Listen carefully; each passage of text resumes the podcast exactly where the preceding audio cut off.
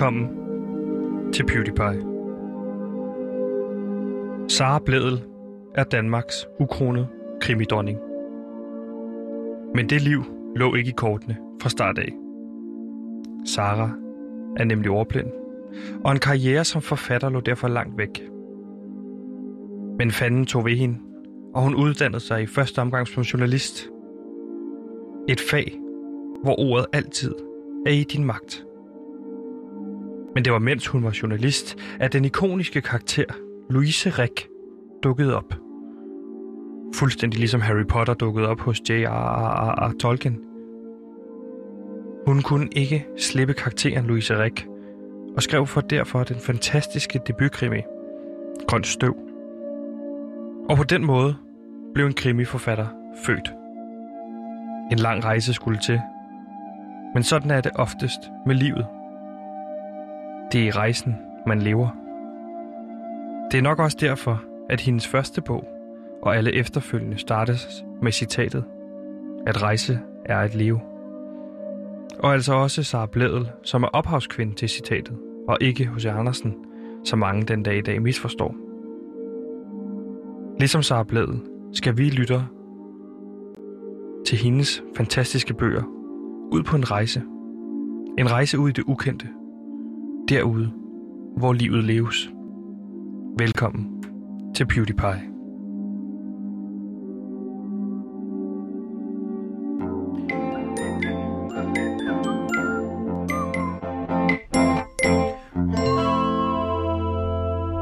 Og velkommen til PewDiePie. Mit navn det er Sebastian. Jeg er vært på programmet.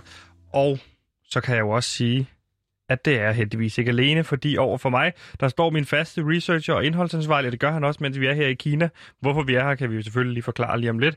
Gantimir Ertogræsgaard, velkommen til programmet. Gantimir har research og indhold med. Hurra, hurra, hurra. Han er researcher, indholdansvarlig, for han er researcher og indholdansvarlig på PewDiePie, Gantemir. Hallo, Gantemir her. Jeg er researcher indhold med, som altid, så jeg skal bare sørge for, at jeres øh, dag, hvor I hører PewDiePie, den bliver helt vildt fed. Og hvilken dag det er i dag, den er helt vildt fed. Ved du, hvorfor det, Sebastian? Hvorfor den er så fed den dag i dag? It's because it's Wednesday, my. Så vi har en masse spændende på programmet. Vi er nemlig stadigvæk i Kina, så derfor er der selvfølgelig en lille smule fokus på, hvad sker der egentlig i Kina? Og så har vi selvfølgelig også nyt fra Danmark. Fordi ved hvad? Der er kraftet med nyt om Nasser Carter. Derfor, velkommen til programmet.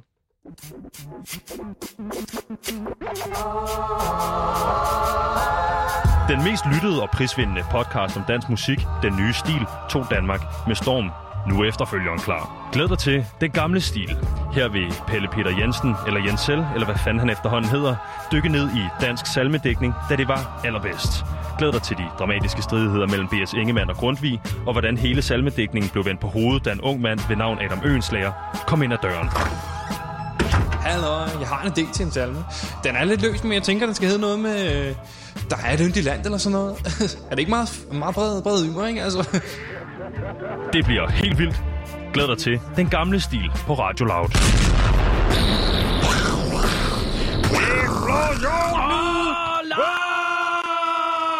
Nej, det, nej, det er bare for sjov. Det er ikke nogen eksplosion. Vi er nemlig stadigvæk siddende i Kina, og det er vi fordi, at øh, ja, vi skulle være vende os til tanken. Men vi har hoppet... Ja, Ja, vi har der kommet dummede til, vi os. Du dummede dig, ja. for, ja, fordi du hoppede på en april snart. Øh, Bum, der. Så er vi altså i gang ganske mere med programmet. Og øh, ganske mere, vi sidder jo på fordi vi kommer til at hoppe på en april snart. Nu sidder mm. vi i Kina, vi kommer først hjem på søndag. That's how the way it is. Vi er ved at leve, leve med tanken. Ja, Ganske mere, hvordan har du det i dag? Jamen, jeg har det utrolig godt, at så, så er vi gået fra onsdag til torsdag til fredag, lørdag, søndag, mandag, tirsdag og onsdag den 14. april er det jo i dag. Vi har været en uge hernede. Ja, og ved, har, har du ikke glemt noget, Sebastian? Er der ikke noget, du har glemt? Har jeg ikke trukket Den ud? 14. Jeg er 100 på, jeg har trukket ud. Hvad mener du? 14. Hvad? april? Tror, trukket ud? Nej, altså dagen i dag, 14. april, er der ikke noget specielt, der sker her? Jo, Danmarks besættelse. Nej, det er 9. april. Jeg kan ikke huske det. Hvad er det? Er det der dronningens fødselsdag? Nej, Sebastian, i dag er det... Dronningens fødselsdag. I dag er det Gantemirs fødselsdag. Hurra, hurra, hurra. Har du fødselsdag? Jeg har fødselsdag i dag, og det har jeg 14. april hvert eneste år. Der er ikke et år, jeg ligesom skipper. Det er hvert eneste år, det er 14. april. Er det rigtigt? Ja, Ej, ved du, Og- det skulle du skulle have sagt. Så kunne jeg Jamen, lige sige tillykke. jeg- Tillykke med det. jamen øh, jo tak. Værsgo. Så har du lige Tak. fået et håndtryk der. Jamen, det er dejligt, Vil du du. også have min t-shirt? Ja, okay. Ja, det vil jeg meget gerne. Så har jeg noget ekstra tøj. Ej, Værsgo. dejligt. Jo, så kan jeg lige... Øh, fordi jeg har jo lige øh, drukket noget øl her, så Ja. jeg kan lige tørre det af. Nej, det ansigtet. er Ej, ad. Sådan der. Men altså, Sebastian, som du måske ser på bordet, så øh, jeg fejrer jo fødselsdag på en bestemt måde hvert eneste år. Du har taget en fisk med. Ja, jeg har taget en fisk med, og det er fordi, at hvert eneste år, der går jeg ned til den nærmeste flod, og så fanger jeg en fisk med mine bare næver. Uh. Fordi at det får mig til at føle mig i live. Det er et eller andet form for manderitual, som jeg har gjort hvert år, siden jeg blev født. Som et år i skulle jeg også ud og fange min egen fisk. Og så tilbereder man det senere i form af... I år har jeg lyst til med fishcakes, hedder det jo. Fishcakes. Ja, også Ja, okay. kendt som uh, Hvor- fiskefrikadeller. Hvor fisker du normalt derhjemme? Jamen, øh, altså, da jeg var i... Øh, da, da jeg boede i Herlev, da jeg var lille, nu er jeg så flyttet derfra, der brugte jeg sådan, hvad, 19 år på at gå ned til den nærmeste sø ved hospitalet, øh, og så prøve at fange nogle små fisk der. Ja. Det var ikke altid, at der var fisk, men der var altid ænder. Så Hvor har du fanget den her i. Beijing? Har du taget en and? Det ved jeg ikke, om man må. Må man det derhjemme? Det er for sent nu, og jeg har taget 19 ænder igennem 19 år.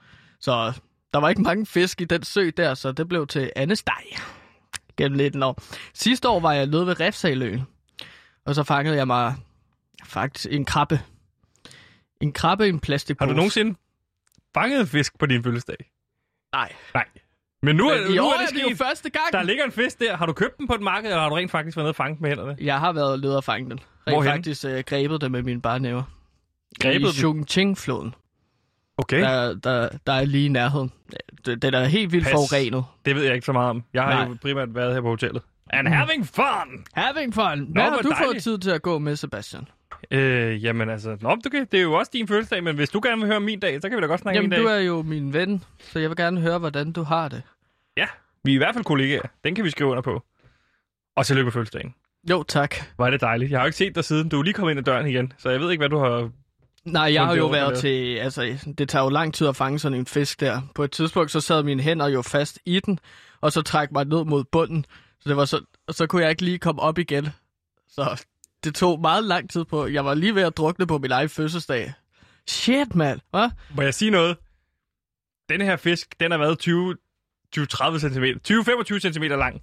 Har den her trukket dig rundt?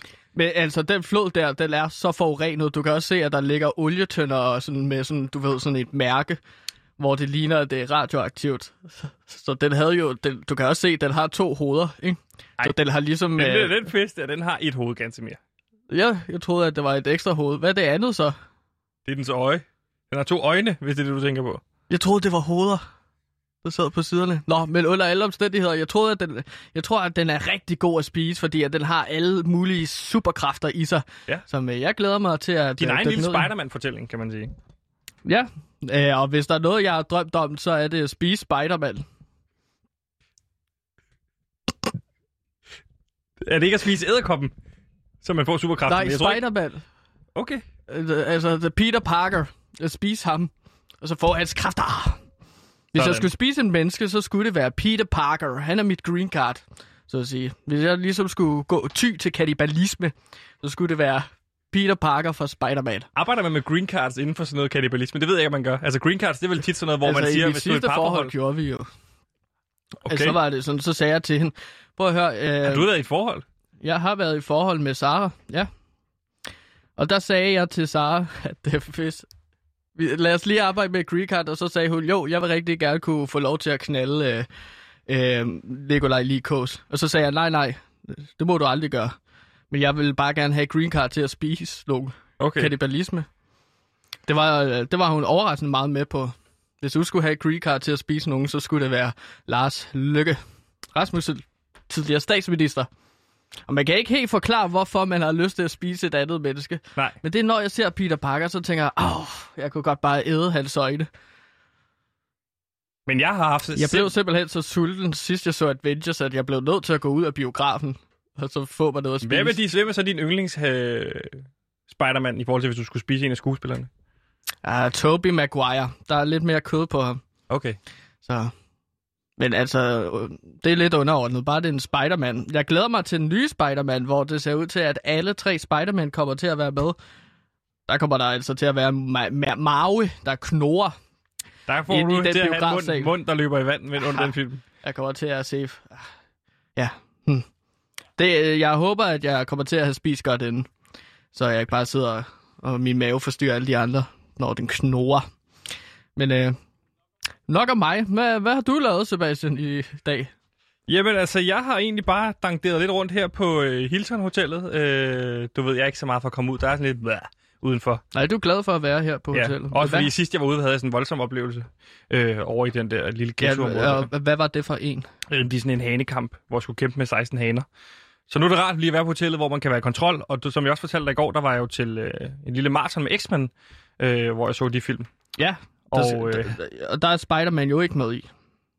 Nej. I X-Men. Det har han ikke. Nej, Men, det er men, et andet univers. Og der havde vi jo et lille uheld i går, eller jeg var jo vidne til et uheld omkring ham, den russiske mand, der gled og øh, faldt i poolen og slog Ja, hovedet som øh, du jo tog benene rundt om i hans hoved, og så træk ham ned på bunden, hvor han så slog sit hoved, ikke? Det var den måde, han gled på. I en pool. Ja, altså, det, da jeg får fødderne op omkring hans skulder, efter er jo ham, der har mit hoved under vand, skal vi lige huske.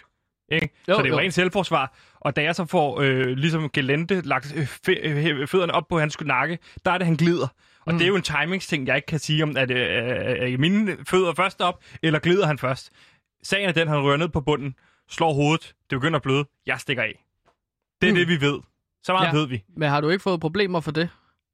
Øh, det troede jeg også, jeg fik, men jeg er jo blevet venner med en af dem, der går rent her, der hedder Wulai. Og øh, jeg har simpelthen fundet ud af, at Hilton, øh, ledelsen, har valgt at, at tyste den lidt ned, den her sag. Når de har simpelthen snakket med dig, lyder det til. Nej, Hvad har de sagt? de har ikke snakket med mig. Nå, okay. De har snakket med Wulai, Okay. og Wulai fik jeg dem til at forklare, at, øh, at det var et uheld. Og på den måde, hvis det var et uheld, så er det bedre for hotellet og gæsterne lige at dyse sagen en smule ned. Okay. Hm. Interessant. Men så er du jo helle, har du ikke? Så kan du blive ved med Jo, at gå det vil jeg jo tro. hotellet. Det vil jeg jo tro. Mm. Mm. Indtil tidligere i dag. For der er jeg nede til akupunktur. Jeg har bestilt sådan en ordentlig uh, treat yourself akupunktur. Øh, Mhm. hvor jeg kommer ind og får noget massage. De putter Og no- altså- vidste du, de putter nål i? Ja, det er jo akupunktur. Det er jo øh, at putte noget i, Mm. og så skal det ligesom få musklerne til at slappe af. Ja. Men øh, det, er jo- det er jo nok også rart at få sådan en akupunktur efter det, du har oplevet at tage en anden mands liv. Helt. Ja. Det er en, det er en vinkling nu. Nu vinkler du den skarp. Der er en mand, der glider, mister livet. Jeg var der. Og så løb du, Og så løb jeg. X-Men i tre timer. Og, der, og det vil jeg gerne sige undskyld for. Jeg vil gerne sige undskyld for, at jeg løber i swimmingpoolområdet, for det må man ikke. Der er glat, og Nej, det, skulle jeg ja. have, det skulle jeg have vidst der. Der skulle jeg ikke have løbet, fordi at, øh, der er jo et skilt, om man ikke skulle løbe. Nu er der Mhm. styr på den sag. Jeg ligger derinde, fuld akupunktur. Altså hele kroppen i nål, ikke? Hele kroppen. Hele kroppen i nål. Okay, stod du op? Nej, jeg lå ned på ryggen, og så alt, hvad kan man sige, front, mave, øh, lår, ben, Okay. fuld nåle. Jeg Ja. ligger så der. Var det behageligt? Super behageligt. Super Okay. sjovt. Mm. Det, der så sker, det er, i sengen ved siden af, den, den, den massagebriks ved siden af, der kommer så en kvinde ind. Mm. Og der tænker jeg jo pinligt væk, fordi jeg har jo kommet til at tage alt tøjet af. Så jeg ligger helt nøgen med en nåle over det hele, ikke? Jamen, har du ikke sådan en håndklæde på? Nej. Skridtet? Okay, Det lagde hun på bagefter. Det skal man bare. Det, skulle jeg tage, det er også lige meget. Det skulle jeg tage på inden. Okay. Det, det Den- gav dig på. Yes. Der ligger så sådan en kvinde ind ved siden af. Ja. Der er et, der adskiller os. Mm. Men jeg kan jo godt høre, hvem der ligger så ind ved siden af. Okay, Nastolovia. Niet, niet, niet, Nastolovia. det er løgn. Så det er den... Øh, Det er kvinden, det er konen til den, den afdøde det, mand. det, det er modellen. Enken i virkeligheden, ikke? Ja. Modellen. Præcis. Ikke? Og hun hører så mig, at det er mig, så hun trækker det for. Og der tænker jeg bare, okay, nu sker det. Jeg skal Hvad, simpelthen... hvad sker? Ja, det, det er også det, jeg tænker. Jamen, du, du siger, nu sker det. Hvad er det, der sker? Jamen, hvad jeg, sker jeg kan da nu? godt lægge to og to sammen. Så tror jeg, da, at, øh, at øh, nu er hun endelig fri. At hun vil har fået alle pengene. med dig? Det ville hun ikke. Hun jager mig så ud i omklædningsrummet. Og jeg Ja. ja. står jo med nåle op og ned, ikke? Ja. Så da jeg prøver at kramme hende for at berolige hende, så trykker jeg jo kun nålene længere ind, ikke? Mm. Så det, jeg Men- gør... Ja, to sekunder. Du, nu skal jeg bare lige forstå det. Du ja. Ja. ligger der med nålene øh, på, og du ser hende så trække foret for, og så sige noget til dig. Hvad, hvad, hvad gør du der? Bliver du bare liggende? Jeg tager håndklædet af. Du tager håndklædet af igen? Ja. ja. For at vise, at jeg er klar, hvis du er. Okay. Fint. Og det er jo så der, hun bliver rasende. Slår hun ud efter dig, eller råber hun efter dig? Ja, for hun har en kniv med. Okay, og så prøver du at kramme hende. Jeg prøver at berolige hende ved at kramme hende. Okay. Jeg løber så ud i omklædningsrummet, ja. og der følger hun så med. Og der står hun med en kniv og tror mig. Mm. Så det jeg gør, jeg, jeg, jeg får ligesom... Der er et omklæd, der er sådan en... Øh, hvad hedder sådan et... Sådan et øh, skab, Skab. Der. ja. ligesom, ikke? Mm. Øh, til man kan lægge sine ting og sådan noget. Det får jeg åbnet, og så får jeg hende ind i det. Og så får jeg lukket det og låst døren. Og så løber jeg. Og det gør du med pigge på hele øh, forkroppen. Og så tager jeg dem så af, og nu er jeg så her, ikke? Gør sådan noget ikke ondt? Jeg ved det ikke. Altså, du har nåle i hele kroppen. Det er jo meningen, man Nej, skal det, ligge det er jo og afslappet. akupunk- akupunkturnål. Det er jo meningen, det er, af- det er jo helt afslappet, da jeg gør det.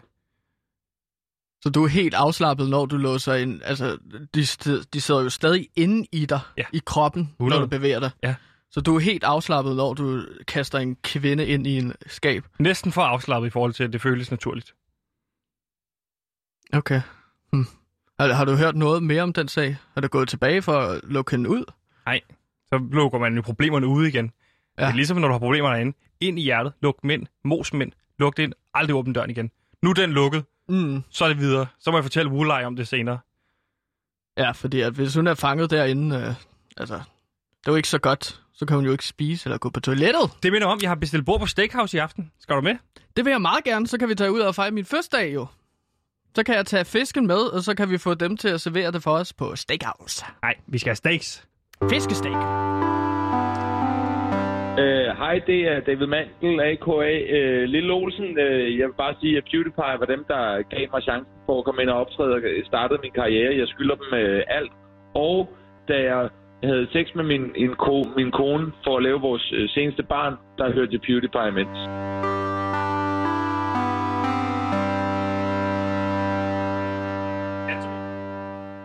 Gantemir, selvom vi er i Kina, så er det vigtigt også at have fokus på, hvad der sker derhjemme. Hvad er det for nogle nyheder, der, der, der sker derhjemme? Vi er jo et program med øh, 54 nyheder på 54 minutter. Det er rigtigt, det er vores koncept. Mm-hmm. Og indtil nu har vi jo, ja, altså det var jo en nyhed, at jeg har fødselsdag i dag, ikke? Så er vi på en. Men vi er stadig bagud, så vi skal hellere til at komme i gang, især fordi at vi er jo et nyhedsprogram for øh, DR øh, er, licensbetaler. Nej, Danmarks licensbetaler. vi er ikke under det, ja, Gantemir. Det har går du vel grund at sige hernede. Vi får penge af den danske stat til at lave nyhedsradio. Lige præcis. Og i forbindelse med det, vil jeg gerne lige spille den her lyd for dig, Gantemir. Jeg fik stress. Fordi den konservative, det konservative folketings, folketingsmedlem Nasser Carter har altså sygemeldt sig med stress, Gantemir. Uh-oh. Og det sker efter, at der er en lang række anklager om, at uh, Nasser Carter har brugt, hvad kan man sige, eller øh, brugt personlige trusler imod øh, folk, der har, øh, hvad hedder det, kritiseret ham. Så oh, har han ja. øh, været inde, og så kontaktet deres arbejdsgiver, og så sige, fortæl dem om, hvad er det, der foregår her. Også mod øh, almindelige folk og sådan noget. Okay, ja, og det er jo noget, som jeg kan nikke øh, anerkendende til, i forhold til, at det har Nasser Carter faktisk også gjort mig. Uh, han har troet både mig og Frank Jensen med uh, nogle ting, jeg har lagt op på. Ja, det skal jo lige siges, at du er forhåndværende assistent for Frank Jensen, og var det i en periode på hvad, 8 år eller sådan noget? Ja, otte år Ja. øh, cirka. Fra, øh, inden jeg blev journalist her på Loud, så var jeg jo assistent for ham mellem år 2008 til 16-agtigt. Ja. Omkring. Ja, Jeg Du er ikke ikke årstal. Nej, men jeg husker, at det er ikke helt tydeligt, hele den periode. Men jeg var assistent for Frank Jensen. Havde du mange, øh, hvad kan man sige, øh, ophold eller sådan øh, møder med Nasser Carter, da du var assistent for Frank Jensen? Øhm, jeg havde møder med ham øh, fra tid til anden. Øhm, men altså, vores veje krydsede jo, fordi at po- politikere mødes, især når du er så profileret, som Frank Jensen var, eller er, og Nasser Carter, som han er, eller var, at øh, så kry- krydses de, de klinger, mm. så at sige. Og der er du som assistent jo ligesom påtvunget til at tage dig af nogle sager deromkring. Ja, og øh, Nasser Carter, han har jo så været ude og blive, hvad kan man sige, kritiseret for, at han har henvendt sig til helt almindelige borgere, der har kritiseret ham på hans, øh, hans Facebook-page. Der har han henvendt sig til deres arbejdsgiver og øh, kritiseret dem for deres adfærd. Øh, altså bare helt almindelige folk, der har, har, har skrevet til ham på ja, hans Facebook, ikke? Han har henvendt sig personligt til dem via DM's privatbeskeder på Facebook til privatpersoner. Ja, Skrevet til dem og sagt, øh, stop det der. Jeg ved, hvor jeg arbejder. Ja, Kan og det virkelig passe, at øh, selskabet, du arbejder for, tror du virkelig, at de synes, at det er fedt, du siger sådan noget? Lige præcis, og det er jo også en taktik, man kan sige, vi bruger her, eller jeg personligt også bruger rigtig meget her på Loud. Hvis jeg ser nogen kritisere øh, Loud, En lavtaktik. Det er en lavtaktik, det her. Mhm. Mm-hmm. Så tager jeg fat i folk og deres arbejdsgiver, øh, og så siger jeg, hey, ved du godt, at øh, din ansatte har skrevet XXX om mig på, øh, på Instagram. Og så kan man så kan man få en diskussion om at køre med en, en, en, en arbejdsgiver, ikke? som så siger, hvem Ja, er du? du- Og, og så videre, ikke? Ja, du har prø- forsøgt at få mange fyret, som har forholdt sig kritisk til Loud, ikke? Jo, det lykkes med en, Du har fået en fyret. Hvem men var det, det? Var, det en for loud. Så det, det, men det er en anden sag og sådan noget. Men Gantimir, det her har Nasser Carter fået utrolig meget kritik for. Øh, og så har han jo trukket det her fantastiske redskab, som siger, øh, jeg fik stress, ikke? Jeg fik stress. Øh, og- og det var en lille rekonstruktion af den, den, den situation. Men det, ja. Der sker, det er jo, at Gansimir, Gansimir, at det er jo et fantastisk værktøj, det med at sige, jeg fik, jeg fik stress. Øh, så kan man bruge det, fordi det er svært at stille spørgsmål til. Øh, jeg har selv personligt brugt det mange gange, det her med, hvis jeg har været ved at have en lortesag. Så jeg var, havde for eksempel 14 dage, hvor jeg lige var ude med noget stress. Nu har jeg øh, sådan nogle... Øh, Ja, Øh. øh, elefantdør op. nej, altså citationstegn. Nå, ikke? ja, men Ja. det er også elefantdør. Det er citationstegn, det er. Ja, modtaget. Det brugte jeg for eksempel, da jeg var ved, der var en lille sag her i, i starten, hvor nogen har sagt, hey, har du, er det dig, der har gjort det der med, med din, øh, Ja, der har været personalsager. Der har været nogle ikke? personalsager, Cecilie Lange, for Ja, øh, men vi udtaler os Eller ikke Daniel, øh, fra Game Boys. Ja, men ja, der er ikke nogen personlige sager, personalsager, som vi udtaler os om her på Loud, så lad os lige holde os til det. Men så var Nej. det jeg ligesom, at øh, jeg trak kortet og siger, at jeg fik stress, og så trækker man sig ligesom ud, og så kan de ikke sige, øh, har du fået, eller hvad sker der og sådan noget. Det er bare ud, og så er der ligesom lige ro på, ikke? Der er flere gange, Jeg øh, fik stress. hvor jeg har været på vej væk, altså hvor jeg har siddet over og har set ledelsen, altså hele ledelsen, alle, hele ledelsen De er kom mange, gående ikke? over mod Ja. bordet, og så har jeg skyndt mig bare at sende en mail til dem, og så på vej over, så har de fået en bling, så de kigger ned, og så, ah, pis, han, han trækker stresskortet, ikke? Og så er han så ude. Det er jo en kendt taktik, man bruger. Morten Østergaard brugte den jo også, Ja, øh, da man fandt ud af, at han havde været en lille, pillefar. ah, en hyggefar, kan vi kalde ham. Pillefar, vil jeg også kalde det. Men der, der lyder det jo som om, at du øh, har udnyttet... Altså, stress, stress er jo reelt en ting, der rammer rigtig mange danskere. Ja. Og det er jo en sygdom, som Og man bliver ramt af. Som En sygdom slash redskab, man kan bruge Ja, til at komme ud af dumme situationer. Folk er bare meget sure over, at, at politikere, at der gælder andre regler for dem, at de kan sende en mail ud, på grund af, at de har dummet sig på et personligt plan, og så kan de bare skrive en mail og så sige, jeg har stress, og så tager de hjem og så slipper for... Altså, de pisser jo op og ned af folk, øh, der har oprigtig stress. Ja, men så har jeg det sådan her, så kan de, dem, der har almindelig stress, de kan bare hygge sig med almindelig stress, og så ellers andre, der har prøvet at have arbejdsstress, som handler om, at man har en dum sag, eller noget liggende, så kan man bare lige trække det kort. Altså, det, der må folk sgu også kunne skille ting ad. Det kan jo ikke være også være... Det er jo virkelig stressfuldt også at få skæld ud. Har du prøvet det? Du har måske ikke... Ja, ja, ja, altså, du skælder mig jo hele tiden ud. ja. Det er jo også stressfuldt, Det jo- det ved du godt, ikke? Jo, klart, men altså, det er ikke stressfyldt nok til, at jeg ligesom tager, trækker stikket og så tager hjem, For dig. og så får fuld løn. Nej. Øhm, men så som skal... politikere bare kan gøre, ikke? Ja, De kan eller bare melde sig syge med stress. ansatte på. Kan ja, også bare gøre det jo. mm, ja, det lyder så til, at du har udnyttet den, øh, det kort, som du selv kalder det for øh, meget, ikke? Det, det er jo ikke at udnytte det, Men- Gantimir. Det er jo bare men- at bruge det. Men jeg er bare oprigtigt bekymret for, at stress er jo en oprigtig ting, der rammer rigtig mange danskere, og jeg tror bare, at når sådan folk som Østergaard og Carter, at de melder sig ud med stress, når de har begået en personlig brøler, der er deres egen skyld, at de så udnytter et system, så når andre politikere som Ida Augen og Alex, Alex Aronsen, Aronsen, Aronsen, Alex Arnsen? jeg er ikke sikker på, at jeg kan udtale det, Nej. men øh, at når de så melder sig syge med stress, så tænker man, hmm, hvad har de nu lavet? Ja, de to der. Ja, og er, er de, er de oprigtigt øh, gået ned med stress? Eller, om, eller har Ida Augen måske gjort et eller andet personligt, som øh, har gjort, at oh, nu trækker hun lige stikket, nu melder hun sig ud af politik. Hvad har Ida Augen gjort? Hmm, kunne det være noget med skattesvigt? Kunne hun have skubbet Christian Hækker ned ad trapperne? Kunne hun have skidt i en anden politikers madpakke, og det er så blevet opdaget? Lige præcis. Så gør hun ligesom dig, hey, jeg er Hey, stress, og så bum. melder hun sig ud, ikke? Det er jo Det nemt var- nok, det er jo nemt nok, Gantimir. Det er bare at trække kortet og så sige... Jeg fik stress. Men Gantimir, øh, du har personligt også oplevet Nasser Carter på, på tæt hold, og det synes jeg måske, vi skal tale en, øh, en lille smule om. Jeg fik stress.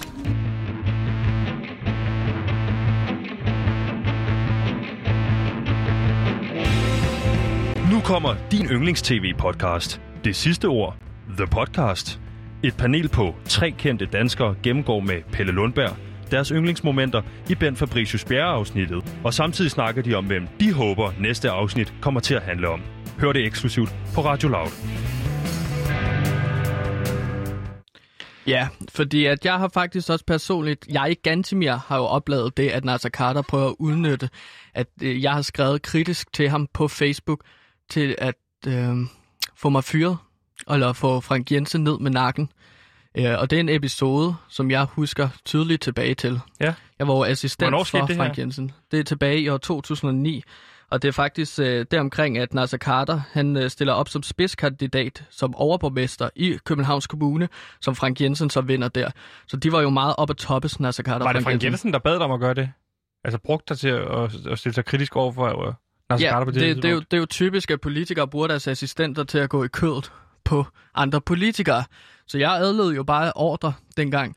Øh, jeg har så lidt misforstået nogle ordre. Men øh, faktisk så den her episode, der bliver jo beskrevet øh, i den folkekære TV- tv-vært Johanne Langkildes nyeste bog. Johannes fætter er- Langkilde, mener du? Ja. Ja, præcis. Øh, Den mandlige tv-vært Johannes Ja, Langkildes præcis. nyeste bog, Min fætter er høvding i Zamora. Og det er en bog, som mest af alt handler om, hvordan han har fundet slægtningen på Stillehavsøen. Zamora. Ja. Det lyder spændende, det lyder også lidt kedeligt. Den er, kommer så ud den 22. april. Okay. Og det som vi Men så du, har, du står jo med den i hånden. Hvordan har du fået fat i den? Jamen, det er en presseudgave. Okay. Fordi at det er jo normalt, at biografier de bliver sendt ud til alle sådan pressefolk. Loud. Og mm. jeg er jo Louds uh, litteraturanmelder også. Øhm, Den der står der Kevin Shakir på, kan jeg se. Ja, og det er jo fordi, at det var egentlig en, som Kevin Shakir, han skulle have øh, stået med. Øh, det var sendt til ham, men jeg tog den, fordi jeg tænkte, at han har så meget at se til. Ja. Og jeg er alligevel Louds Outlandish øh, litteraturanmelder. Lige præcis. Øh, men der beskriver han faktisk, øh, når jeg har læst bogen igennem, den, per, den, den episode, som ligesom har fået det sted mellem Lars Carter, Frank Jensen og mig. Ja. Og jeg vil faktisk gerne læse lidt op af der. Derfra. rigtigt? Ja, fordi at så kan man, det er nok spændende for lytterne Det synes at jeg er høre. spændende. Du har jo tidligere læst op, øh, altså det er jo vildt, hvor mange bøger du sniger ind i. Du har jo også tidligere været med i Obamas erindringsbog, som vi har Hvor jeg op også var assistent til Frank Jensen, og hvor Frank Det er- Jensen kom til at fremstå lidt som en klovn. Dit virke som assistent er virkelig velbeskrevet i de forskellige biografier rundt omkring i landet, kan Jeg gjorde det meget stort indtryk hos folk, tror jeg. Men ganske mere, lad os prøve at høre, hvad der bliver, øh, hvad der bliver skrevet om, øh, om dig. Det synes jeg er virkelig spændende.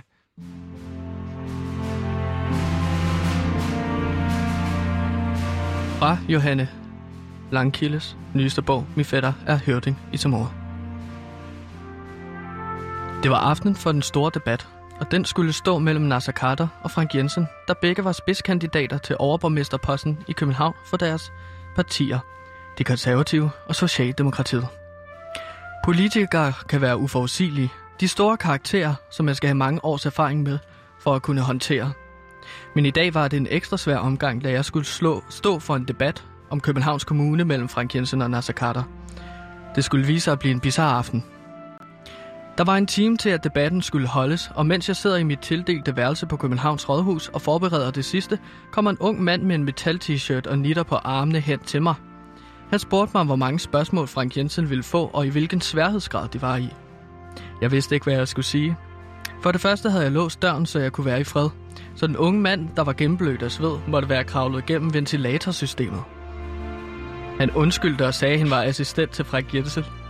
Han var blandt andet blevet udlevet til leder af Jensens quizkommission, hvilket betød, at det skulle sørge for, at Jensen klarede sig godt til quizzer. Jeg gjorde opmærksom på, at Frank Jensen ikke skulle deltage i en quiz, men i en debat om økonomiske og sociokulturelle aspekter af en by som København. Assistenten med det usolerede skæg så chokeret ud og garanterede mig, at der måtte være sket en fejl. Han havde blandt andet forberedt Jensen på, hvor mange arter af finker, der i dag findes på Galapagos-søerne. Det skulle være, være en dyrekvist, råbte han panisk, mens han kravlede tilbage i ventilatorsystemet. Da det var tid til debatten, trådte jeg frem på scenen, hvor slaget skulle stå mellem de to politikere. Frank Jensen gik først op på scenen og så skrækslagen ud. Derefter gik Nasser Carter på scenen, som stirrede intens på Jensen med løftet pegefinger. Jeg har en høne at plukke med dig, brølte Carter. Han hævde straks en planche frem, og der fremgik det, at Jensens assistent havde skrevet på Nasser Carters Facebook-profil.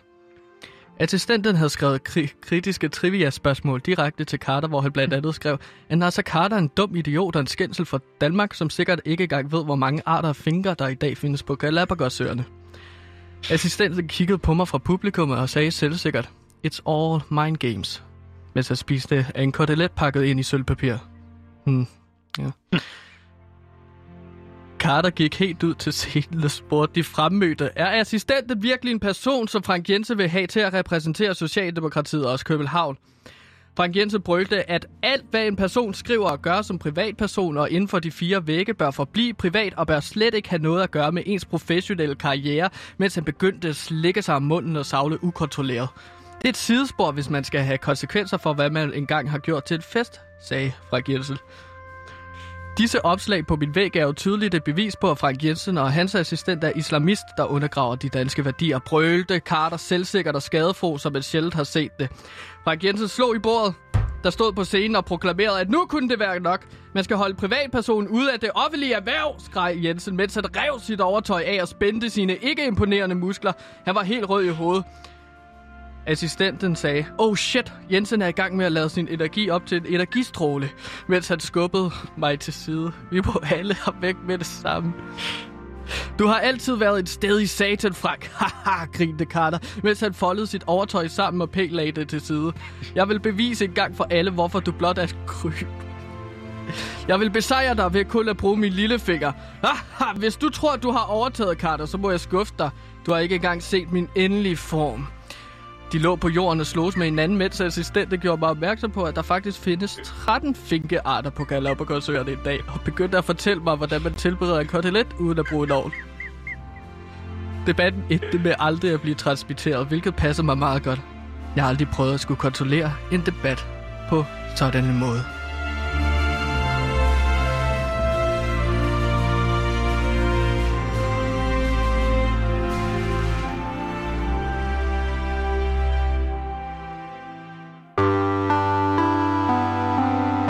Advertising is based on one thing happiness.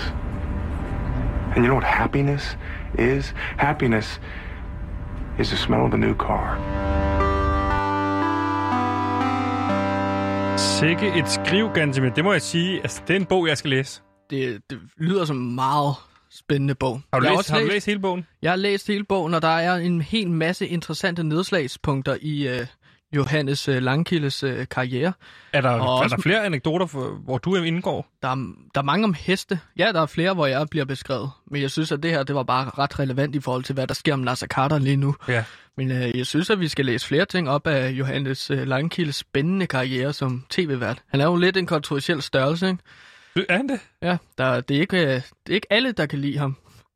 Det er jo, altså, der er nogen, der kan lide ham, og så er der også mange, der ikke kan lide ham. Så ja. han er jo sådan lidt kontroversiel, lidt rock and roll på den måde, ikke? Lidt punket. Så du siger mange.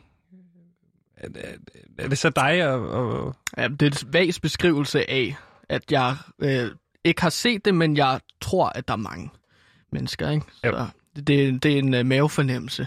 Og det er jo tit det, jeg laver research ud fra, mavefornemmelser. Og så siger jeg det i radioen, så... Jeg er ret sikker på, at Johannes Langkilde har mange, øh, mange mennesker, der ikke bryder sig om mig. Det var Øh, i hvert fald øh, spændende læsning fra hans øh, kommende bog, Min fætter er høvding i øh, Samoa. Så er den her kraftet med årets Drengerøvs podcast, og den skal findes på Radio Loud. I podcasten Niki og Niki gennemgår Pedersen og Bille stort og småt. Lad dig til at høre Niki Billes input, når Niki Pedersen ikke kan finde ud af, hvad hans kone mente, da hun spurgte, om han ikke skulle stramme sig an, sådan helt generelt. Der bliver fed drengerøvstemning, men også plads til store følelser i Radio Louds nye podcast, Niki og Niki. Ganske når der sker noget ulovligt derude i landet, så er det jo tit, man tænker, hmm, Hvorfor skete det?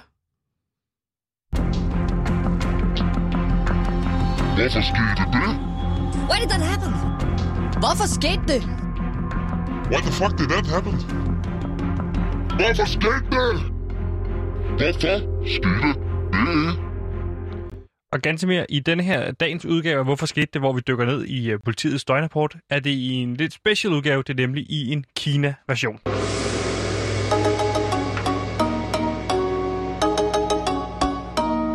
Mere, Oh. det er det jo selvfølgelig, fordi Den vi... autentiske lyd af Kina. Lige præcis. Hmm. Nu har du jo været meget, jeg er primært herinde på hotellet, men du er meget ude i Kina. Der hører man vel tit sådan en lyd her. Jamen, det er jo primært den, de spiller i radioen.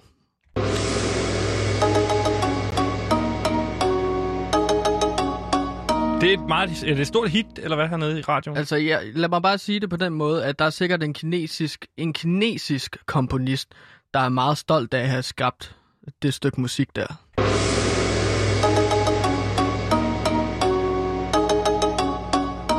Men Gantimir, i øh, Hvorfor skete det, der er det jo øh, min opgave at, udvælge tre sager fra politiets døgnrapport, og så øh, vende den med dig, fordi du har en tidligere kriminel fortid, og derfor kan udtale dig som ekspert i, hvad det er. Har du nogen erfaring? Det er meget, meget, meget tid... Mm. Undskyld. Blablabla. Det er meget vigtigt at sige tidligere bandekriminel. Ikke? Det er Fordi derfor, at nu jeg sagde- er jeg journalist. Lige præcis. Det er Og- derfor, jeg siger fortid. Ja, og det er også derfor, at vi laver det her indslag. Hvorfor skete det? Fordi at jeg vil gerne gøre op med den fortid, som jeg har haft. Mm. Jeg er ked af de ting, jeg har gjort.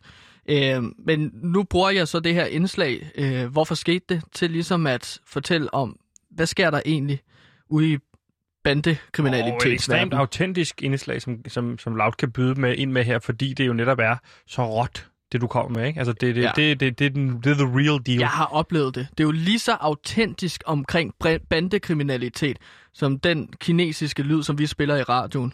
Lige så autentisk kinesisk er den, ikke? Jo, og Gantemir, øh, har du en speciel, når det kommer til sådan noget fortid, har du en speciel forhold til Kina, når det kommer til kriminalitet?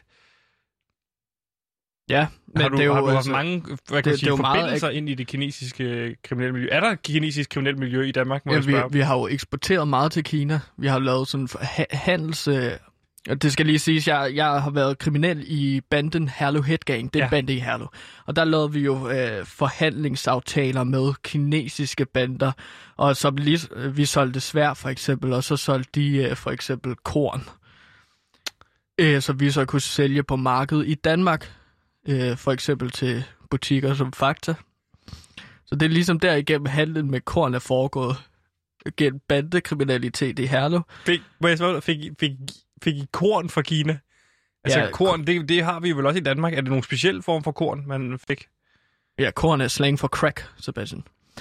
Så vi har ligesom Okay, fået så crack, giver det med. Så I, I, så I, I sendte det svært til Kina, og så sendte Kina crack, crack cocaine tilbage til jer. lige præcis. Så, Så, så det vi var solgte på dej- markedet i Danmark. Ja, lige præcis ja. til folk, der arbejdede i Fakta for eksempel. Hvis de havde brug for noget crack, ikke? Ja, det kunne også være frisør eller sådan noget. Det kom ikke op på hylderne. Nej, nej. Det er ikke sådan, Øh, solgte det det, er stadig- Fakta. Det er stadig lidt tabu. Det var ikke sådan noget Coop eller Dansk Supermarked. Køb crack i jer, og putte det på hylderne i Fakta. Vi det var solgte- ansat i Fakta, eller hvad? Vi solgte det til chefer og CEOs øh, i Fakta. Ja. Vi havde et møde med Lidl, hvor vi gik ind på deres kontor. Man skal, man skal lave en aftale først, fandt vi ud af. Men vi gik ind på deres kontor, og så stillede en taske fyldt med crack op på bordet, og så sagde, "Hvad, kunne I ikke være interesseret i at købe det her af os? Det gik ikke. Nej. Så spurgte vi, I kunne sælge det i butikkerne. Der er sikkert mange kunder, der kunne være øh, bli- interesseret i crack. Hvordan lykkedes det at få et møde med, med cheferne i Lille? Nå, men som sagt, vi valgte bare ind, og så Nå. sparker vi døren op. I en lille butik? Ja, det, det, det tænker jeg, at, at, at hvis du går ind i en Lidl Ja. i, e- på et kontor, Ja. altså, ja, så går man så op til kasse 1. Det er jo der, chefen sidder, ikke? Det første. No, no, numero uno Mm. medarbejder. Altså kassemedarbejderen. Ja, så det går, går man op til kasse 1, og så siger man, vi kunne godt tænke os et møde med dig nu. Og så ringer de efter politiet. Og så skynder vi os dem for væk. Crack cocaine. Okay, Ja. det var sådan, det foregik. Mm, Ganske præcis. skal vi prøve at dykke ned i den første sag, jeg har udvalgt fra politiets døgnrapport, som Ja. ja. omhandler Kina? Meget gerne.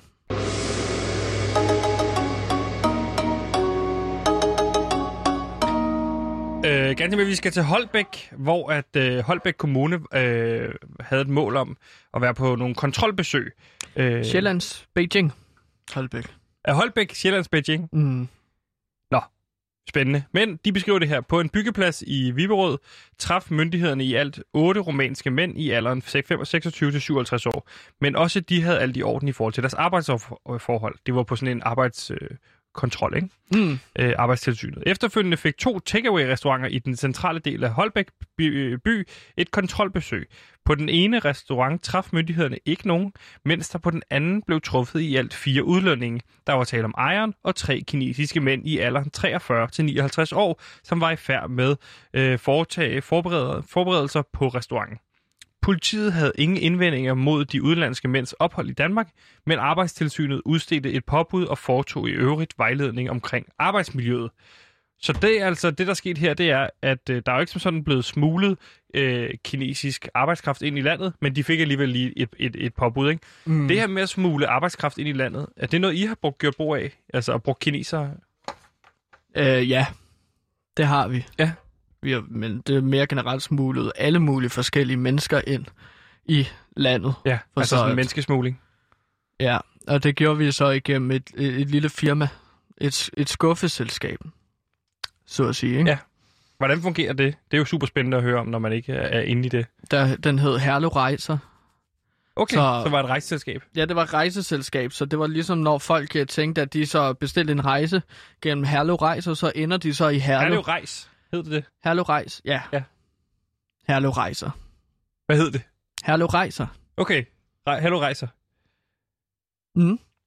Og så når folk ligesom troede, at, øh, at det var et rejseselskab, så kom de til at stå ude i en øh, forladt bygning ude i Herlev, hvor vi så ellers gik i gang med at, at låse døren, og så bandt dem med ræb til en stol. Og, og så, så sagde vi så til dem, nu skal I lave det her for resten af jeres liv. Og så gik vi i gang med en planche, eller hvad hedder det, sådan, du ved, sådan projektor, PowerPoint. ikke?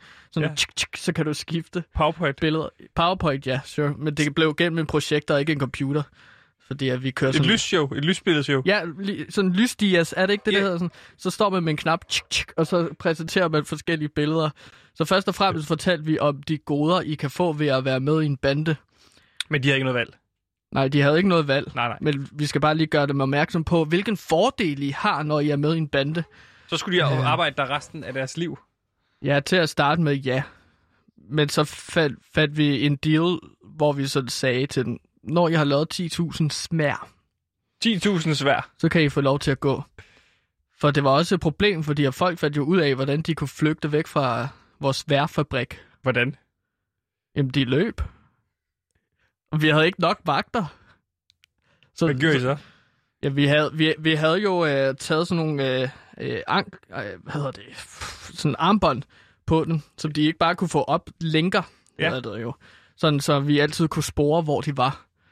Okay. Øhm, så vi kunne altid finde dem, men det var bare lidt problematisk, når du altid skal ud og finde dem øhm, igen, ikke? jo, altså en så er vi- fodlænke, man har også herhjemme. Ja, de blev også trætte af hele tiden at flygte og blive bragt tilbage igen. Og så Ja. skulle igennem den samme fremlæggelse, hvor vi præsenterede fordelene ved at være med i en bande. Øhm, så Hvad de var kunne også se sådan... siden de, ikke, øh, de jo ikke åbenbart tydelig, tydeligvis ikke synes det var noget værd? Nå, men altså, gode feriemuligheder, ikke? Nå, Ja. ja. Altså, pensionsordningen var også ret frisk. Øh, du kunne gå tidligt på pension, hvis du ligesom var med i vores Hvad er det for en pensionsordning, I havde? bandepension. Så får man 13 procent af et svær hver måned, som der bliver solgt, ikke? For det er svær, som du selv producerer med dine egen hænder. Når man går på pension? Ja, så har man måske 12-13 svær, som er blevet solgt. Øh, derigennem. Og så går økonomien op på en måde, som er fordelagtig for medarbejderen, eller slaven, som vi også kalder det. Og så giver det lige pludselig mening. Er det noget, som, som andre bander også gør brug af, eller er det kun jer? Øh, nej, jeg, jeg ved også, at øh, Aarhus Ål gør det, og Banditers også. De bruger jo også menneskesmugling, ikke? Jo. Øhm, men jeg var ikke så glad for at se det som sådan en øh, ond ting, som vi gjorde mod de her mennesker.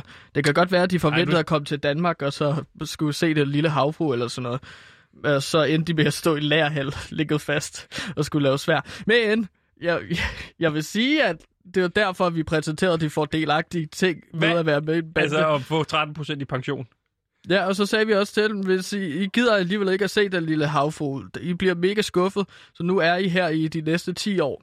Okay. Og nogle af dem bliver selvfølgelig ked af det, fordi at de skulle jo bare ud på sådan en dannelsesrejse, fordi de var unge mennesker, der var ude at rejse med deres kæreste, ikke? Ja. Og så får de at vide, hov, I skal stå i et lager og lave svær.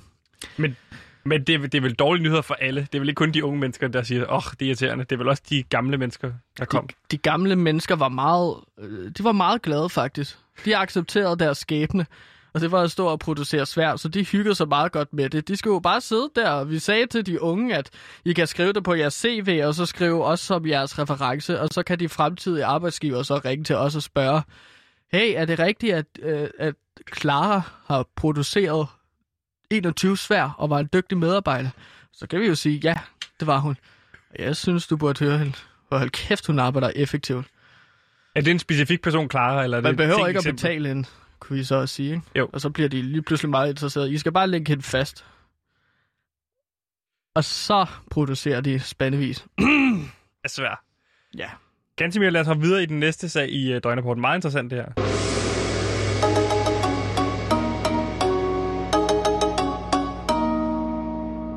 For vi har en, øh, en sag her, øh, der foregår i Slagelse, øh, som hedder En sigtet på ja- Japanvej. Øh, der har gennem længere tid været problemer med, at der er blevet kørt ræs på området ved Japanvej og Kinavej i Slagelse. Mm. Derfor holder politiet et skarpt øje med området, og har i det hele taget et stort fokus på at få stoppet den ulovlige kørsel på stedet, der er til gene for beboerne i området. I går aftes kl. 20.29 patruljerede et par politibetjente i området, og her traf de en mand i en bil, som blev sigtet for ikke at respektere færdselsloven på stedet ved at køre ind i området.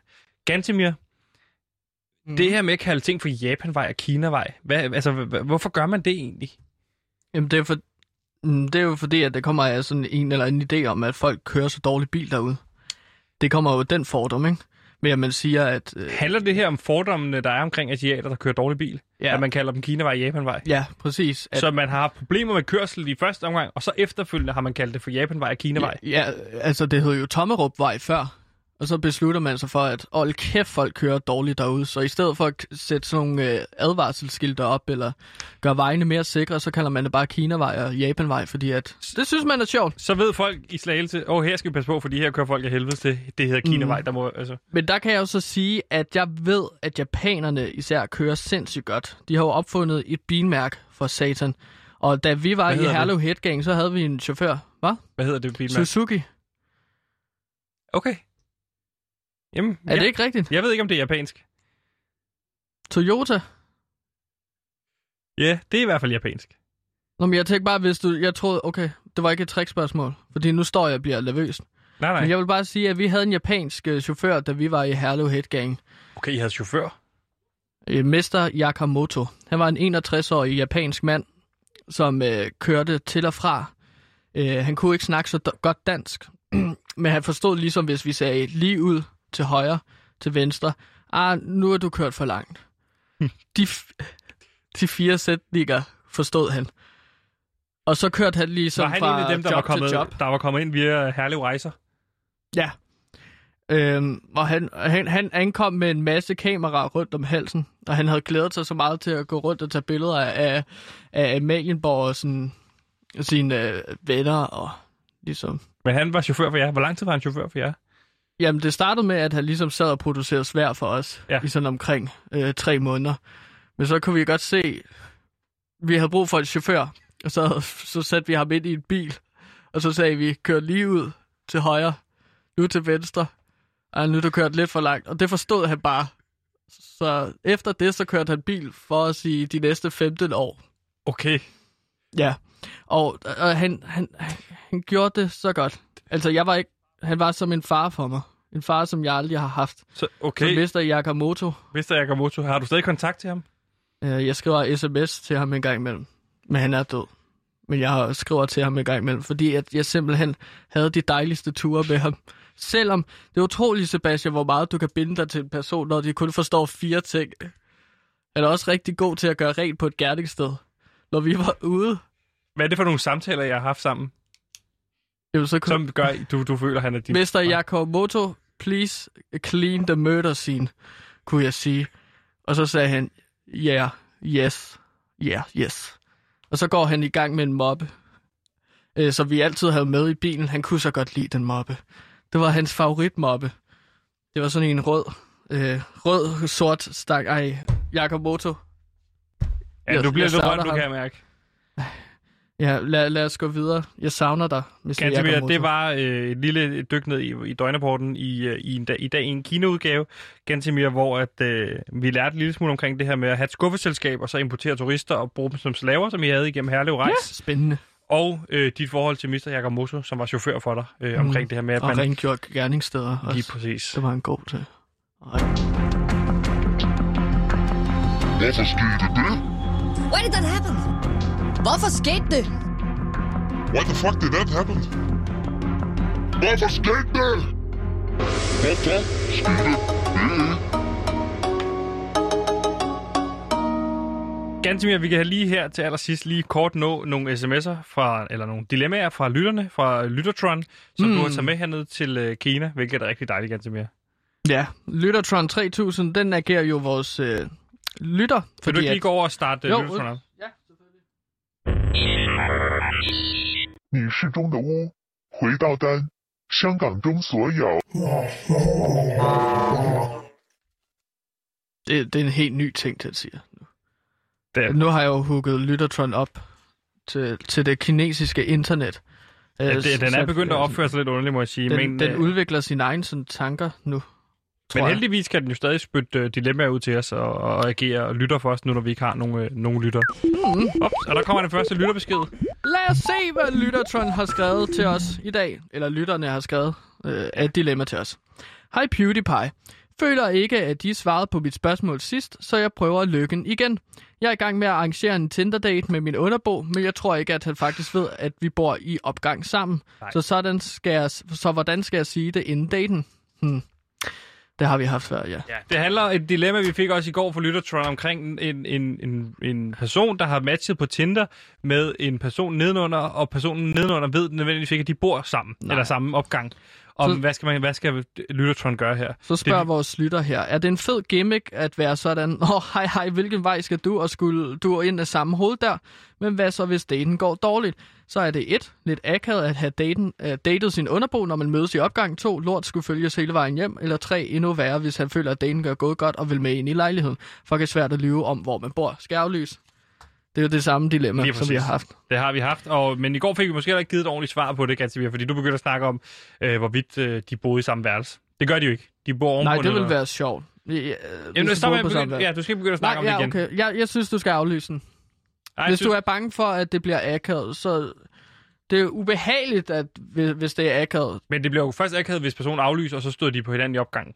Hver gang der er penetration, så vil det jo være akavet, hvis du hørte, at... Hvis, hvis daten gik dårligt, for eksempel, og du bor over den date, hvor det gik dårligt, og så du kan høre, at hun eller han har sex med en helt anden person, når daten gik dårligt, fordi ja. at der er åbne vinduer. Det vil være fucking pinligt og akavet. Det er en god pointe. så jeg synes, du skal lade være med at date. Så, så vigtig er kærlighed heller ikke. Der er mange fisk i havet. Bare Men- se den, jeg har taget med her, for eksempel. Ja. Det er en fisk, jeg bare gik ud og fanget. Den er helt død, til gengæld. Så der er Men mange fisk hvis- i havet. Hvad nu, hvis det her det er the one? Jeg tror ikke på The One. Jeg tror, du skal ud og have en masse... Altså, hvor stor er chancen at bo over The One? 7 milliarder mennesker bor i verden. Det er fucking dumt. Det er fucking dumt, at man finder The One. Bare find en, som du er glad og tryg hos. Og så slap af. Men og som du må stikke pikken ind i en gang imellem. Eller som du må stikke pikken op i dig en gang imellem. Hvad end du er til. Ja. Bare, bare vær glad. Ha' sex. Ha' det godt. Eller lad være med at have sex, hvis du ikke vil det. Bare det ikke er akavet. Jeg har det sådan her, at tage på date. Det vil være en fantastisk historie. Prøv at tænke til brylluppet. At vi startede som min overbo underbo til brylluppet, ikke? og så sige, nu er vi, nu er vi... Nu er, vi, nu, nu er jeg til dit bryllup, kan man sige, ikke? Jo. Du er jeg til min uh, underbos bryllup, Nu blev vi gode og venner. jeg er ikke? dulrende stiv pik, fordi at den Tinder-date aldrig gik godt. Så jeg har ikke fået noget fisse siden. Men nu er jeg til dit bryllup, og du er lykkelig gift. Det var sejt, nåede i dag. Det var en Ja. irriterende afslutning på programmet, Det er min første dag i dag. Hurra! Woo!